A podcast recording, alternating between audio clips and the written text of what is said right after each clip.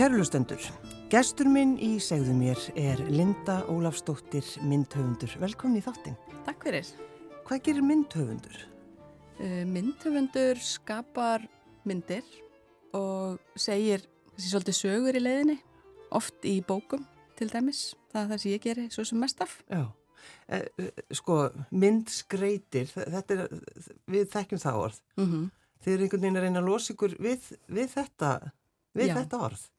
Við erum mörg sem eru myndhöfunda sem erum aðeins að reyna að útrýma því aðeins að það sé neitt bannorð en við viljum alveg meina að þegar við erum að tekna myndir í bækur að þá séum við að gera aðeins meirinn að skreita og skraut er kannski eitthvað sem maður getur stundum verið án Já. það er svona eitthvað svona auka Stundum. Sem er rosa næs. Já, já. og ekkert að því en hérna þegar að til dæmis bækur eru mikið myndlístar þá eru þær að segja svo mikla sögu og það er tungumálið í sögunni, það er líka tungumál þótt að sé ekki stafir þannig að við viljum já, meina að sé meira skraut og í leiðinni köllum við okkur mörg hver líka frekar myndhöfunda heldur en myndskreita já. Já, já.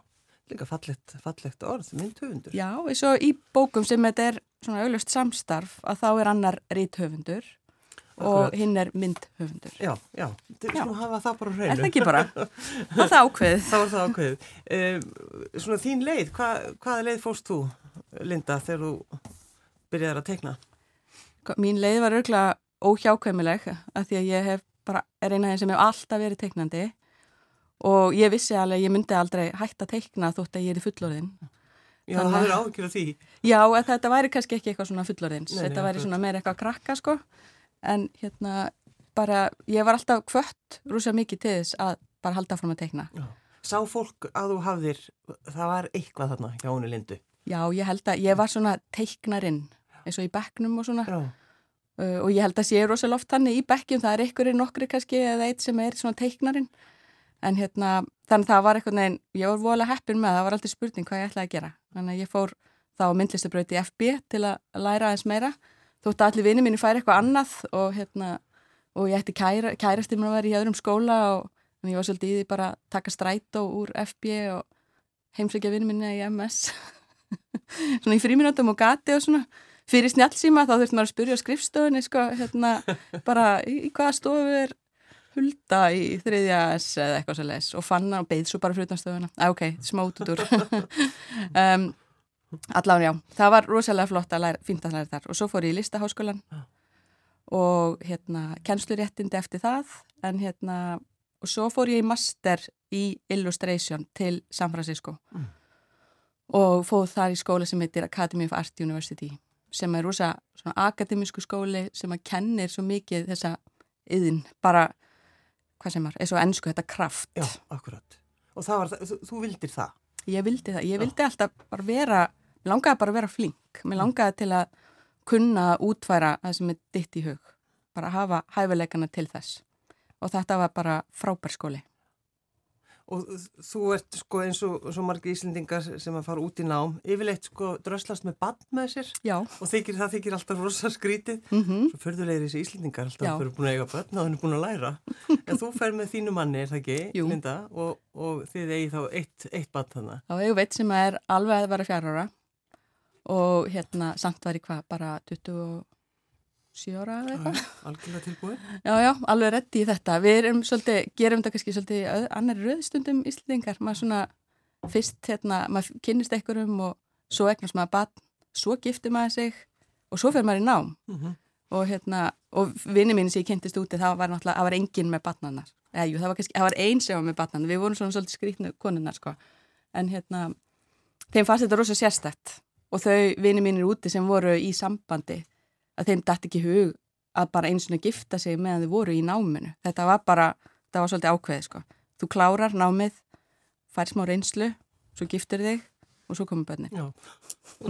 Og, og, og svo gerur með þessi að það linda þið eignist annað bann meðan þú ert í náminu hann úti. Já, þannig sem var, gerði mig ennþá skrýtnari að, hérna, að mæta með bann og svo að vera ólétt á síðast árinu. Þetta Já. er svona, kannski þetta er alltaf klassíst og hérna, veit hvað sér skynnsamlegt þetta var, þetta var þetta svolítið stressandi að vera úti í námi hérna, í bandaríkjunum á þessum tíma og vera ólétt og vera ekki beint einu sinni með tryggingar hérna, sko.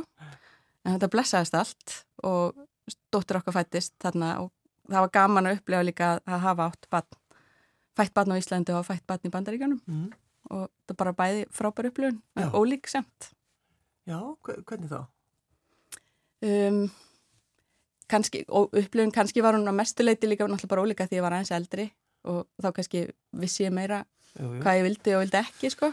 Vissi hvað varst að fara út í? Já, en hérna, það var bara, það var hugsað það var auðvitað að hugsa vel um hann hérna líka heima en það var alveg að hugsa alveg rosalega vel um hann hann úti Já.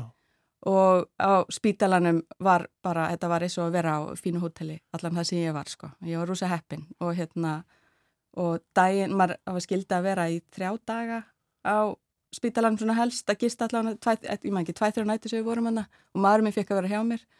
Og síðasta kvöldið Uh, áðurnum við útskriðumst á spítalanum að þá var haldin eitthvað svona celebration dinner.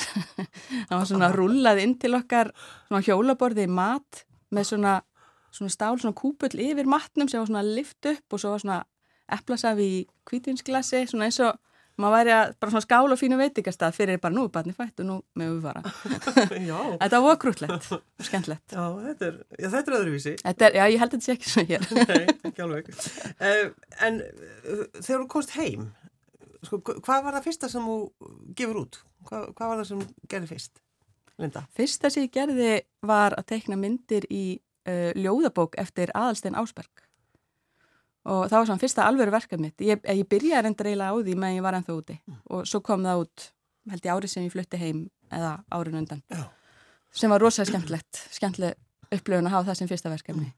svo vann ég aðeins fyrir mentamálastofnun líka að teikna í skólabækur en það fyrsta sem ég gerði var bara að finna mig vinnustofu og var bara að harða ákveðin í því að ég ætlaði að gera þetta að vinnunum minni bara reyna eins og ég geti mm. að vinna við að teikna í bækur en ég var líka vissi að þá yrði ég að hafa áfram tenginguna til bandaríkjana og hef alltaf reglulega farið í ferðir til New York að reyna að hitta útgefundur og svona artdirektora til þess að sína verkin mín og reyna að fá verkefni þar. Þannig að hérna, þetta sé indislegt að vinna verkefni á Íslandi þá bara er þetta, þetta svona ólíkir heimar. Já. Tölvört stærra úti náttúrulega og auðvitað líka meiri samkefni að fá verkefni en ótrúlega gaman að vinna, vinna þar líka. Já. Þannig að þú passar það að, að, að hafa, hafa tengslinn. Já. Já. Já, og ég er með umbóðskrifstöð úti sem að aðstöðu mig þá líka eins og við að fá verkefni. Já. En, hérna, en vinna alveg svona í öfnum höndum hérna, hérna heima úti. Mm. Áðunum fyrir að tala um nýju bókina Já. þína, um, þá langum við svo að tala um indislega bók sem þú gerðir sem að, með Margretti Tryggardóttur Reykjavík barnana, það sem er tímaflakk um höfuborgina. Mm -hmm um höfuborginu okkar. Eh, er þetta sko, þetta er, þetta er náttúrulega ekki kennslubók en þetta er, þetta er svo mikil fræðsla. Já, þetta er svona söguleg bók fyrir bara börn og fjölskyldur. Ég held að fullornir hafa ekki síðu gaman að þessari bóka því það er alls konar svo skemmtilegu fróðlegu sem að Margret fléttar hérna inn, bæði mjög merkilegur fróðlegur en svo líka bara finnar og skemmtilegar og skrikna sögur af Reykjavík sem mm. að maður vissi ekki af. Já þannig að hérna og ég, sjálf er ég svona smá sögunörd og bara elska að skoða eitthvað gamalt og bara gamla ljósmyndir á Facebook er alveg uppáhalsgrúpa mín. Já, já, Já, og hérna, já, þannig að það var hérna, var ótrúlega gaman að hérna, að þurfa að kafa svona mikið ofan í líka fyrirmyndir og svona, reyna að hérna, ná þessu, ná tíðarandanum einn stert og ég geti Já, og þeir hafi skrifað aðra bók líka, Íslandsbók barnana Já Um, sko, að því þú tókst kennsliréttindi, er þetta eitthvað mm -hmm. svona blundar í þér, semst mjög kennarin mjög stert í þér einhvern veginn? Já, sjálfsagt sko Við, hérna, ég hef ekki eins og nefnilega hugsað út í það út frá bókunum mínum, en hérna, það er alveg rétt að, hérna, að það er núna allavega, já, komin þrjár bækur frá mig sem að eru með sögulegri tengingu og eru fyrir börn mm. þannig að, en mér finnst þetta rosalega gaman að kenna og mér finnst svo bara gaman að vera í kringum krakka og læra af þeim Já Varst ekki, þú, varst, varstu stundakennari eða, eða hvernig var það? Þú varst að kenna einhvern tíma, er það ekki, Linda? Um, jú, reyndar eftir ég tók kennsluréttin þá dætt ég í það að vera hérna, umsunakennari í grunnskóla Já. í 5. og 7. bekk sem var nú svona ekki kannski það sem ég ætlaði að gera, ég ætlaði að kenna myndmönd en endaði að, að kenna allt annað en það sem var mest skapandi Já. og var skindilega bara stött á, á grætni krítatöflu að kenna deilingu. Já, hvernig ekki það? Um, ég held ekki frábælega, kannski þetta að spyrja nefndunum mína. ég veit að ég bara er hinskilið með það, ég er ræðileg starfræðikennari, en ég held ég að ég hafa alveg fín í öðru, sko. Já. Og hérna, og bara, eins og ég segi, og það er líka bara gaman að vinna með krökkum og fá innblöstu frá þeim. Já. Það er að skemmtilegsta. En ég hef kent, kenni alltaf reglulega í myndliskólanum í Reykjavík og svo er ég líka að fara að staða sjálf með mín eigin námskeið frá vinstofunum minni. Og ég hef verið að kenna bara frá, frá sex ára upp í, ég kendi eins og konu sem að fættist í Torfbæ. Með aðstakja þannig að þetta er eiginlega, já, 6-100 ára líkuði sko. Já, það er svolítið, það er svolítið gott. Maður læri ímislegt af því. Heldur betur. Um, um, tengdamamma þinn Já. Hún hefur svolítið verið að tala um eitt sérstakann dag í hennar mm -hmm. lífi, Linda. Hvað Já. dagur var það? Það var 24. oktober 1975 sem að var kvennafrítagurinn. Mm. Og frá því ég kynntist henni þeirri indislega konu, Sigurlegu Þóradóttur, hún öfnu henni, þá hérna hefur hún talað alltaf reglulega um hennan dag og þessa upplöfum sem það var fyrir hennar að mæta hennar á Lækitorg og þarna var hún um, heimaðundi húsmaður með þrjú börn og stittist í það fjörða sem er maðurum minn.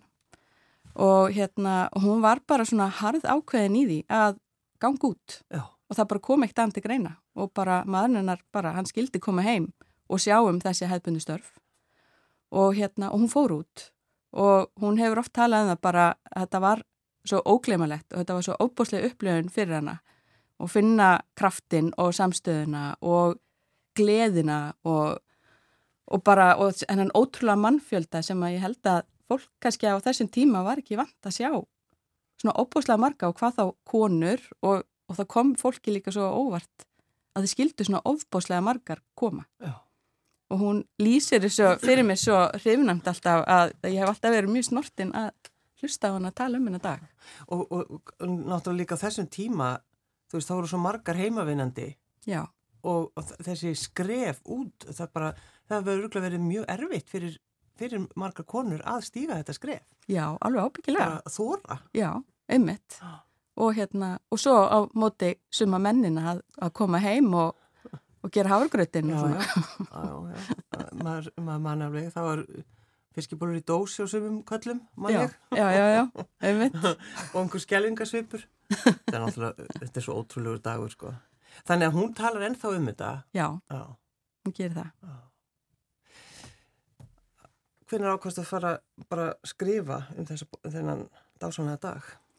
Um, það kom upp fyrir, ætla að sé ekki alveg að vera tvö, allavega tvö ár síðan, svona bækur taka alltaf daldi langan svona meðgöngu tíma og um, það kom eiginlega til að ég hafði unni með útgafu í bandaríkjónum að bók sem að hef, ég skrifaði og teiknaði og hún heitir Play á ennsku og hún heitir Leika á íslensku. Mm. Er, er hún kom líka út á... Já, kom uppálega út í vandaringjónum og var svo þitt á íslensku hún er til hér og hérna, og þetta er alveg indislegt hérna, fólk sem að vinnur hérna hjá sér útgáð og ég náður svo góðu svona sambandi við og var gott að vinna með þeim Hva, Hvað eru þau í bandaríkjunum? Þau eru staðsett í Kaliforni en hérna eru svona undir fyrirtæki stóru útgáfi sem heitir Abrams Books í New York. Og uh, rittstjórin sem ég hafði unni með þar hún las svo bara grein í, ég held að það hafi verið New York Times um hvernafrítægin bara fyrir þá nokkru mánu síðan sem hún lesi þessa grein. Og henni fannst þetta svo magna og merkilegt og hún trúði ekki að það væri ekki til batnabók um þetta eða allavega bara eitthvað svona bók um þetta sem væri mjög aðgengileg til að, að kenna börnum og segja þeim frá þessu merkilega degi. Mm. Og hún hugsaði að það væri ná heimatökin fyrst þetta var ekki til, hún þekkti íslenskan myndur í tönd þannig að hún hafði bara samband um mig og spurði hvort ég væri til í að gera bókum þetta Já. og skrifa hana. Og ég var bara auðvitað mjög upp með mér og til í það mér fannst þetta alveg þokkalega áskorun. Ég var ekki fætt þessi dag var hérna, en út af því að ég hef svo mikið náttúrulega á þessu sögulega dóti, þá var ég alveg mjög til í að kafa hans og niða En vist, þetta, þetta er svo skemmtileg leið ég bjóst einhvern veginn ekki við þessari sögulinda að það var einhver reittstjóri í bandarækjunum sem segir við þér, þú voru að skrifa bókum þetta. Já, emitt. Við einhvern veginn erum bara svo vönuð sem deg og heldum allir viti allt um, um það um hann og erum ekkert að pæla hennilega sérstaklega í því. Ég veit það og hérna, og emitt sko, íslenski rítstjórum minn, við vorum ekkert en að hlæja það var eiginlega bara pínu vandræðilegt að við komum ekki með þessa hugmynd sko. Já, það var það akkurat það sem ég ætlaði að segja, bara mjög vandræðilegt. Já, þannig að hérna, en það var alveg hérna, svo tókuðu þetta alveg heilanga tíma fyrir mig að gera bókina og koma með uppkast og handrit og, og skissur þanga til að þau samþyktu það sem að ég vildi gera sko. Já, en hvernig hugsaður hana? Hvað var það, hvað var það sem þú vildir, vildi gera? Það var, hérna, en svo leið sem ég ákvað svo að fara var að segja sögu í nútímanum af móður sem er að segja batninu sínu í dag frá því þegar hún fór aðna sem batn 75 Já. og uh, það sem hún er að lýsa því þegar, hvernig hún upplið daginn sem batn að sjá alla mannfjöldan og heyra hérna rópin og köllin og öll laugin og, og allt þetta og hvað henni fannst hún heppin að fá að vera partur af þessu Mm. Og líka að pappinar hafi elda matinn í fyrsta skipti Já, sem að hérna ég veit ekki hvernig hann bræðist en það var alltaf hann að súpa þessari ungu stúlku þarna Já, já, akkurat. og hérna og svo færist sagan yfir í nútíman það sem að, svo sem að var stúlka þá er í dag sagt mætt áfund á Arnarhól og á mótmæla Já, já. sem við ætlum um þetta að gera. Nákvæmlega. Í ár. Já, þetta, það verður stórkoslegu dagur. Já, Það verður það. En uh, hvar er, sko, þú skrifar hann og svo, uh, hvar er hún, í hvað bókabúðum er hún í heiminum? hún er bara til víða, hún, hún kom út í bandaríkjónum í mars og hérna, og ég veit hún er til í hérna, hún er líka gefin út í Kanada og Ástralíu og það er búið að kaupa þýskan útgáðurétt af henni líka og hún er komin í ykkur á bókaklúpa og svo bara bókabúðum við það þar sem að bókabúður bara geta bókabúður um allan heim geta keft hann ég heyrði frá konu í Stokkólmi sem að fann hana þar þannig að hún er komin hingað þangað en hún lendir hérna ég held hún sé að koma í búðir 19. oktober en við ætlum að halda upp á útgáfuna 24. oktober Já. það er náttúrulega ekki annað hægt Nei, nei. en að gera það á sjálfum hvernig frídægin En, en finnst þér þetta, sko, þetta er svona lítil hugmynd, uh, hún er bara orðin svo stór. já, er þetta ekki eina bókin sem er, hefur farið svona í langt ferðalag sem þú hefur skrifað, Linda? jú sem ég hef skrifað Já. já. en ég teiknaði nú hérna myndir í bók eftir uh, Írska rithönd fyrir hvað þremur fjórmánu síðan hann heitir Sam McBratney þannig að þið kannist í bók um hérna Hjera sem heitir Guess How Much I Love You sem er alveg indislega bók, hún hefur verið þýtt bara fullt á tungumálum og það hafi verið sínda teiknumyndir hérna Já, á rúf já, þannig að ég teiknaði myndir í bók eftir þann höfund já. Og ég veit að súbók hefur farið mjög þar, þar á ég náttúrulega bara myndirnar. Já. en hérna, já, hún er bara komin til Asíu og, og hérna, út um alla trissur. Og þetta var síðasta bókin sem að hann gerði. Þannig að hann dó bara rétt á hann hún kom út sem var leilt og ég náði aldrei að hitta hann. En svona vinna er eiginlega það hérna að góða við interneti og allt þetta er bara að það skiptir einhver máli hvar þú býrð. Nei, nei. það er gott að geta að tala sæmilega ennsku og svo bara þarf þetta að hafa tölvupóst það er gott ef þú vinnur svona hefðbundið eins og ég að eiga góðan skanna og, og þá bara vinnum maður með fólki út um allan heim Já, já. Að því þú tókst strax þessa ákvörðun, þú, þú kemur úr námið, það bara, ég ætla að vera með vinnustofu og ég ætla bara að lifa á þessu. Þannig að mm, má segja, sko, ertu mjög þrjósk manneskja og gefst ekki upp. ég er auðvitað ekki best að svara því sjálf sko. Nei, um, ég veit, ég, já, ég, er allar, ég er rosa ákveðin í þessu en svo hlæg ég líka stundum að að mér finnst, svo er ég bara búin að grafa mér svo djúft í þetta Já. þú veist, að ég er búin að leggja svo mikið í sölunar og búin að leggja svo mikið á mig ég get ekki baka út núna þótt ég vildi, sko stundum, að því að þetta er líka þetta, þetta hljómar alltaf aðeinslega að, að gera sér bækur og vera með vinnustöðun og vinna með frábærum höfundum já. já, þú veist þetta, kannski þetta hljómar fallar en þetta er alltaf, skilur svo er þetta líka, er maður stundum bara á ælandi við skrippborðið, sko, Já. og hérna Er það, er það þegar þú fær ekki hugmyndir eða? neða bara þegar ég fæ ekki útborgað, kannski Já, þá, þá volar aðeins, það fyrir smá að gráta. það er kannski, já það, já, það er ekki skortur á hugmyndum það er eiginlega bara skortur á tíma og þá kannski stundum bara fjármagnin til að fá að útfæra allt sem maður langar að gera Já, það er alveg miklu meira það. Er, eru hugmyndina þínar alltaf bara mjög stórar? mm, já nei sko já, ég, kannski, ég veit ekki alveg hvernig ég að svara Nei. það byrjar alltaf samt litlar sko svo bara þær sem að ná í gegn, þær verða kannski svolítið stórar Já. Ég kannski svona bara eins og þessi bók, ég þóri, ég get, ég vil. Þegar íslenskar konur höfðu svo hátt að allur heimurinn heyrði í þeim. Þetta er svo gott. Það er hérna einblað síða, eða, eða, eða opna, mm -hmm. sem að mér langur svolítið að tala um. Það er svo gaman að tala um og, í útvarpi, segja frá þessu. Þið verður bara að býða á róleiklustendur, þið getur flett þessari bók hún kemur út.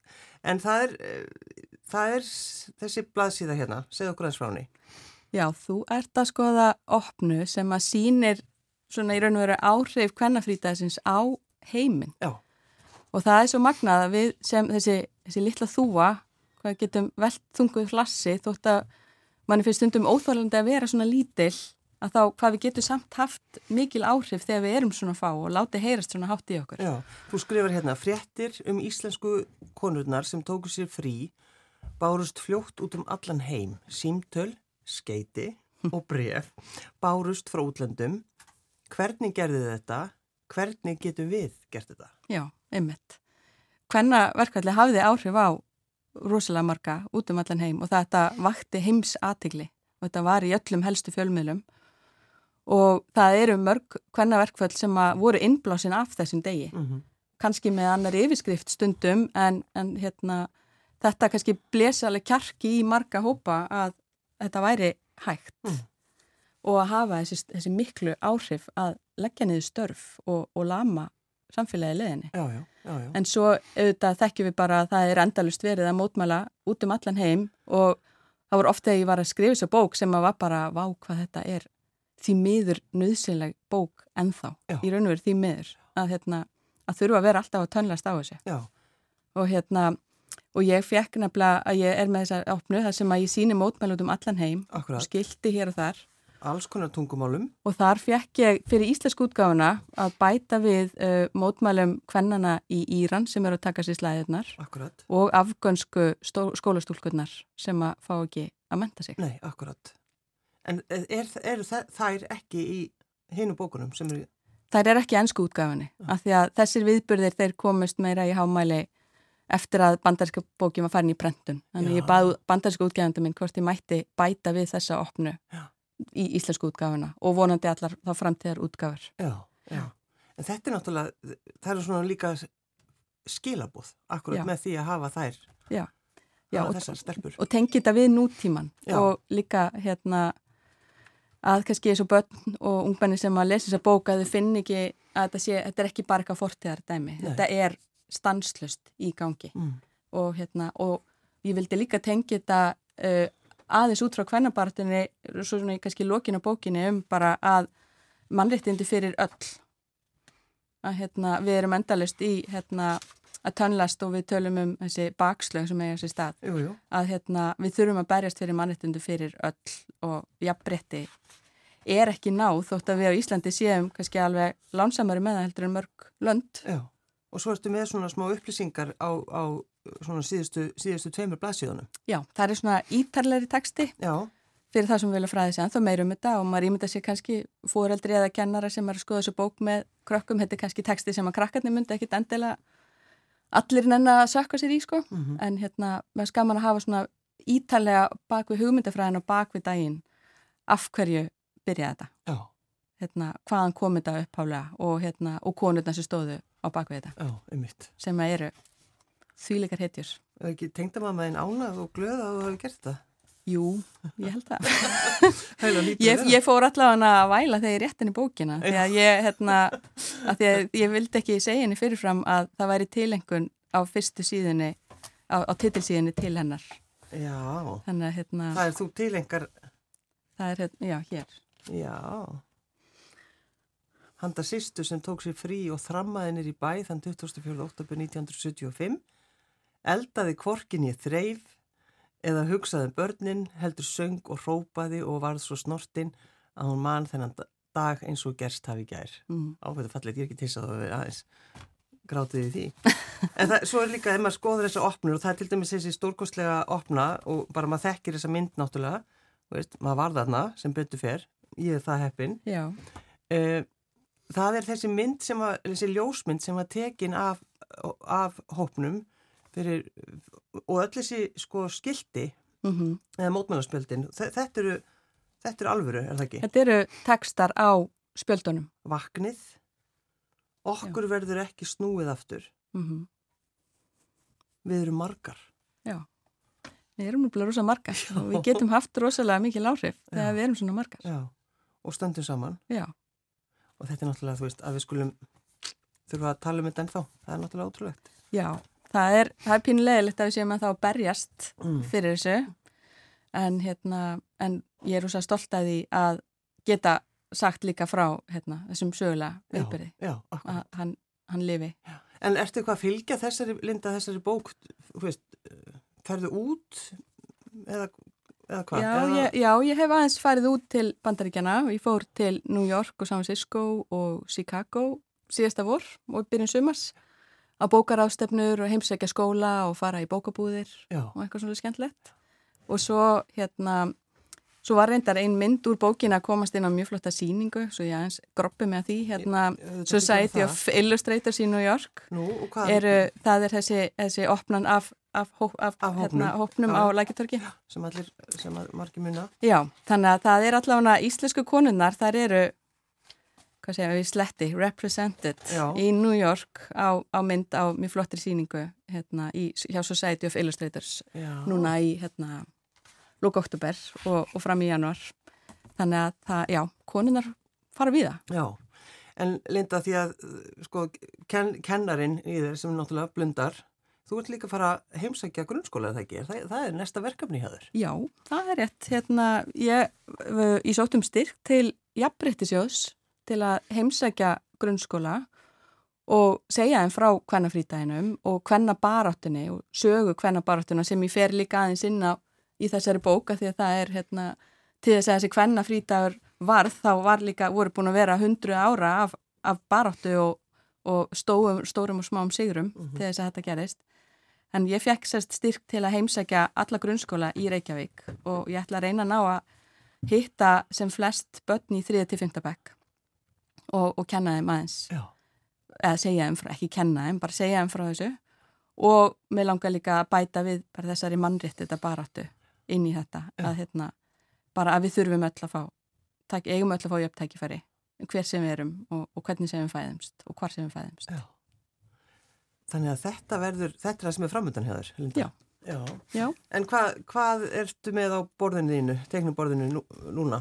Þú veist, nú, þessi komin út eða er komin út? Já, núna tekur náttúrulega við hérna, þetta tími sem ég held að margir höfundar hérna, bæði hlakka til og kvíða jú, sko. jú, að fara að skrýða út úr, úr vinnustofunum og af frá skrippborðunum þannig að það verða nú einhverju viðbyrjir kringu það en hérna ég er líka með á teikniborðinu orðalösa myndabók sem ég er að gera með bandaríski útgáð sem heitir Holiday House Býtu orðalös? Mynda, myndabók, já oh. þannig að þetta er saga án orða bara í myndum ég er rosa hrifin af því þannig sem ég var að segja áðan að, að orð eru líka tungumál.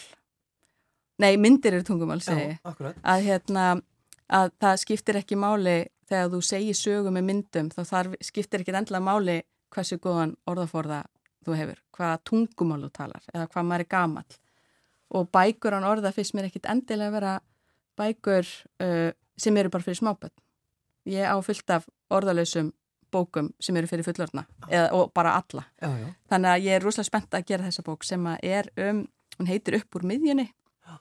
eða á ennsku In the Middle og þetta er líka svona öfuleið sem ég fer eða allavega hún, bókin byrjar í bandaríkjunum og svo vonandi kemur hún til Íslands og uh, hún er um, um sögu sem gerist inn í sögu þetta er alltaf flókið að, að útskýra þegar verður bara að sjá það þegar hún kemur út þannig að þú, þú, þú, þú eiginlega tógar nýja og nýja sögu út úr bókinni í gegnum miðjun á bókinni. Ég hef alltaf verið að heitla þessu sem að, í þá ennsku heitir þetta göttar, það er raun og verið það sem að pappinni límist saman inn í miðjun á bókinni. Já, já, um mitt. Og ég var að ímynda mér að ef myndi, þú myndi tróða ykkur þar onni, hvað gæti verið þar?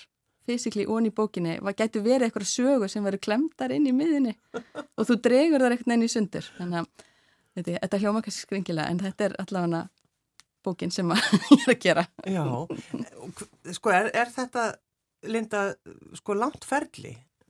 Já, þetta er mjög mislangt ferli en reynda, svo, þessi bók sem ég er núna með teikniborinu er hið endurlösa ferli. Ég held að ég skrifa hana og ég segi ég skrifa hann, maður þarf samt að skrifa sögu, þú veist að hafa handrið að sögu þótt að sé ekki orðið henni Já. um, ég skrifa hann held ég 2013 og 14 sko og svo keifti útgáðan hann held ég árið 2015-16 eitthvað svo leis og svo hafa bara verið alls konar frestanir hvort sem þetta hefur verið frá mér eða þeim. Og hérna loksis er hún samt komin af stað. Þannig að hérna, þessi bók er verður eitthvað 12 ára ferðlu sem er alveg óvennilangt en inn á milli þessar bókar er einhverja búin að gera fullt af bókum sem að hafa tekið mun stittir í tíma. Uh, Íslenska bækur taka mjög stuttan tíma með bandarískar, myndi ég segja. Já. við gefum okkur ekki alveg eins mikið tími í það. Og við erum náttúrulega með jólubókaflóðið þar sem að það miðast allt nærðu fyrir jólubókaflóðið og ef maður orðin eitthvað setna á því að þá þarf maður svolítið að, að gefa í sko. En í bandaríkjum þá kannski skila maður af sér bók og hún kemur ekki út fyrir nefti þess vegna rúmt ár. Af því þá tekur við einhver rosa markaðsteimi sem að er að skipulegja útgáfuna og allt í kringu það. Hvort er skemmtilega? Um, ég var í rúst til í millivegin um, það er bæði skemmtilega allir að segja, en ég væri mjög til í að hérna, ameríski markaðin tæki svona langa tíma og íslenski gæfi sér aðeins meiri tíma stundum Þannig að það er sko að ástæða að því þú lærir í bandaríkinum að þú hugsaðir einmitt að ég ætla ekki að missa þessi tengst. Já. Þú hefur nú aldrei sérmaður grætt á því. Já, ég bara, ég er úr svo stolt að ég hafa náð að gera bækum með stærstu forlöfum í heimmi mm og mhm. mér finnst það bara, mér finnst það bara geggjað að ég hafi, mér hafi tekist það, sko. -huh. Þannig að hérna, og þetta er náttúrulega, Ísland er bara, er svo lítið og þú þart bara að hafa, hvað segir mér, ekki inn í fulltokarum, -huh. út um allan heim. Það er svolítið þannig. Já.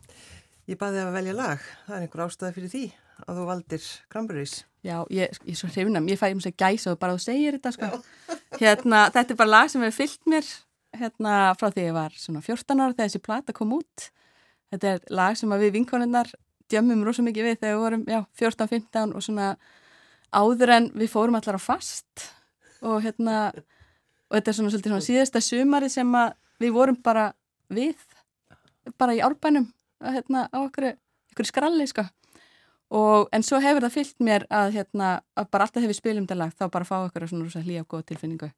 Og núna er ég er í gönguhóp þessum að einhver af þessum vinkonum eru en líka fleiri sem hafa komið að inn og nú er þetta svolítið lægið hjá gönguhópnum okkar og hérna þegar við löpum upp á hálendi sem við gerum einu sinna ári í alveg bara, þetta er alveg stórkoslega félagskapur og rosalega upplöfun að þá er þetta oft svona, þetta er síðasta lægi sem við spilum á svona hérna, síðasta kvöldin okkar þegar við erum við dansum og erum með diskokúlu í einhverjum skála út einhver starf. Já, þetta er svolítið gott. Já. Hvað heitir lagið? Það heitir Lingar og er með Cranberries.